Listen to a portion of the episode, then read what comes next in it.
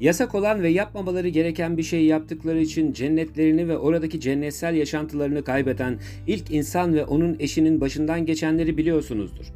Gerçi bilmiyorsanız ya henüz doğmadınız ya da çoktan ölmüş olmalısınız. Hani şu kimi kaynaklarda bilgi ağacı, kiminde ölümsüzlük, kiminde de o ağacın meyvesini yediklerinde meleğe dönüşecekleri iddiasını söyleyen kaynaklar.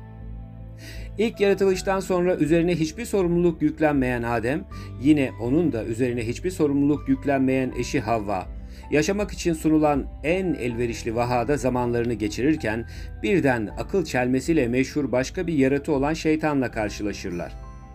Akıllarından hiçbir kötülük geçmeyen ve çevrelerinde hiçbir kötü, çirkin bir şey olmayan Adem ve Havva onlara o tabiatın içinde hiç yadırgamayacakları bir şekilde görünen bu manipülatif canlıyı gördüklerinde şaşırmazlar. Bundan feyz alan kötü fikir üreticisi Hilkat, onlara yaklaşarak kendi niyetli düşüncelerini yavaş yavaş zerk eder. Bunu yaparken salt doğruları da araya serpiştirmekten geriye kalmaz.'' İnandırma işi biraz da böyle bir şey öyle değil mi? Doğruların içine küçük küçük eklenen yalan ve taraflı yanlışı hiç hissettirmeden karşı tarafa iletme işi. Bu hilkat istediği sonucu elde edene kadar uğraşır ve sonunda metaforik olarak elmadan küçük de olsa bir ısırık almalarını sağlar. Yani yapılmaması gereken yasaklı işi Adem ve Havva'nın önce niyetlerine sonra da midelerine girmesini sağlar.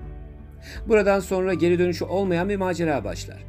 Aslına bakarsanız geri dönüşü vardır ama insanın gerçekte ölümsüz olduğu halde bunu bilmediğidir bu gerçek. Zira artık geriye dönebilmek için ölümlü olması ve bu makus sonu mutlaka yaşaması gerekmektedir. Sonrası malum. Artık o görkemli ve sorumluluktan azade yaşam sona erer ve daha zorlu, daha çok emek isteyen bir yaşantı başlar. Adem ve Havva için artık işler oldukça zorlaşmaya başlamıştır. Daha sonra bu zor şartlarla çevrili karasal yaşantı içine Habil ve Kabil doğar. Doğası gereği Kabil kardeşi Habil'i öldürerek tarihin ilk cinayetini işler ve tabii öleni ilk saklama ve onu unutma girişimi olan defin işlemini de böylece keşfetmiş olur. Kabil'in bu aykırı tutumu nereden gelir bilinmez ama bu damarın günümüzde bile devam ettiği aşikar. Dünyayı imar etme, onu düzenleme sorumluluğu verilen bu ilk insanlar ter dökerek tekrar o cennetsel diyara geriye dönüşlerini garanti altına alabilmek için var güçleriyle çabalamışlardır. Fakat sonrasında gelen nesil yani maddesel ve karasal dünya nesli kendi gözleriyle şahit olmadıkları, duymadıkları, tatmadıkları farklı bir dünya görüşü olmadığı için ölümü daha çok ötelemek ihtiyacı hisseder.'' Hatta Kabil'in kardeşini gömmesi bile ölümü yok sayma ve onu kendi gözünden ve dünyadan uzaklaştırarak yok olma fikrini zihninden uzaklaştırmak olarak da yorumlanabilir.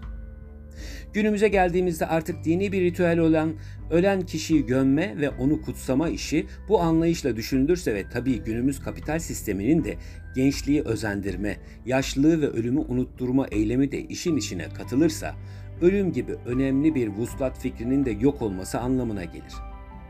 İster inanan, isterse inançsız kişiler olsun.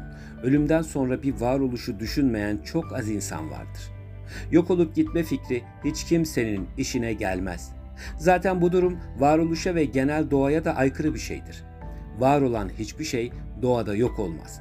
Görmezden gelme biz insan evladına kısa süreli bir unutma, zihinsel olarak anlık bir rahatlama duygusu verse de Adem ve Havva'nın uymaları gereken yasaya uymamaları sonucu görmek ve yaşamak zorunda oldukları olaylar gibi. Kabil'in gömerek unutmaya çalıştığı fakat bir türlü unutamadığı kardeşi Habil'in yüzü gibi hep aklımızın bir köşesinde var olacaktır.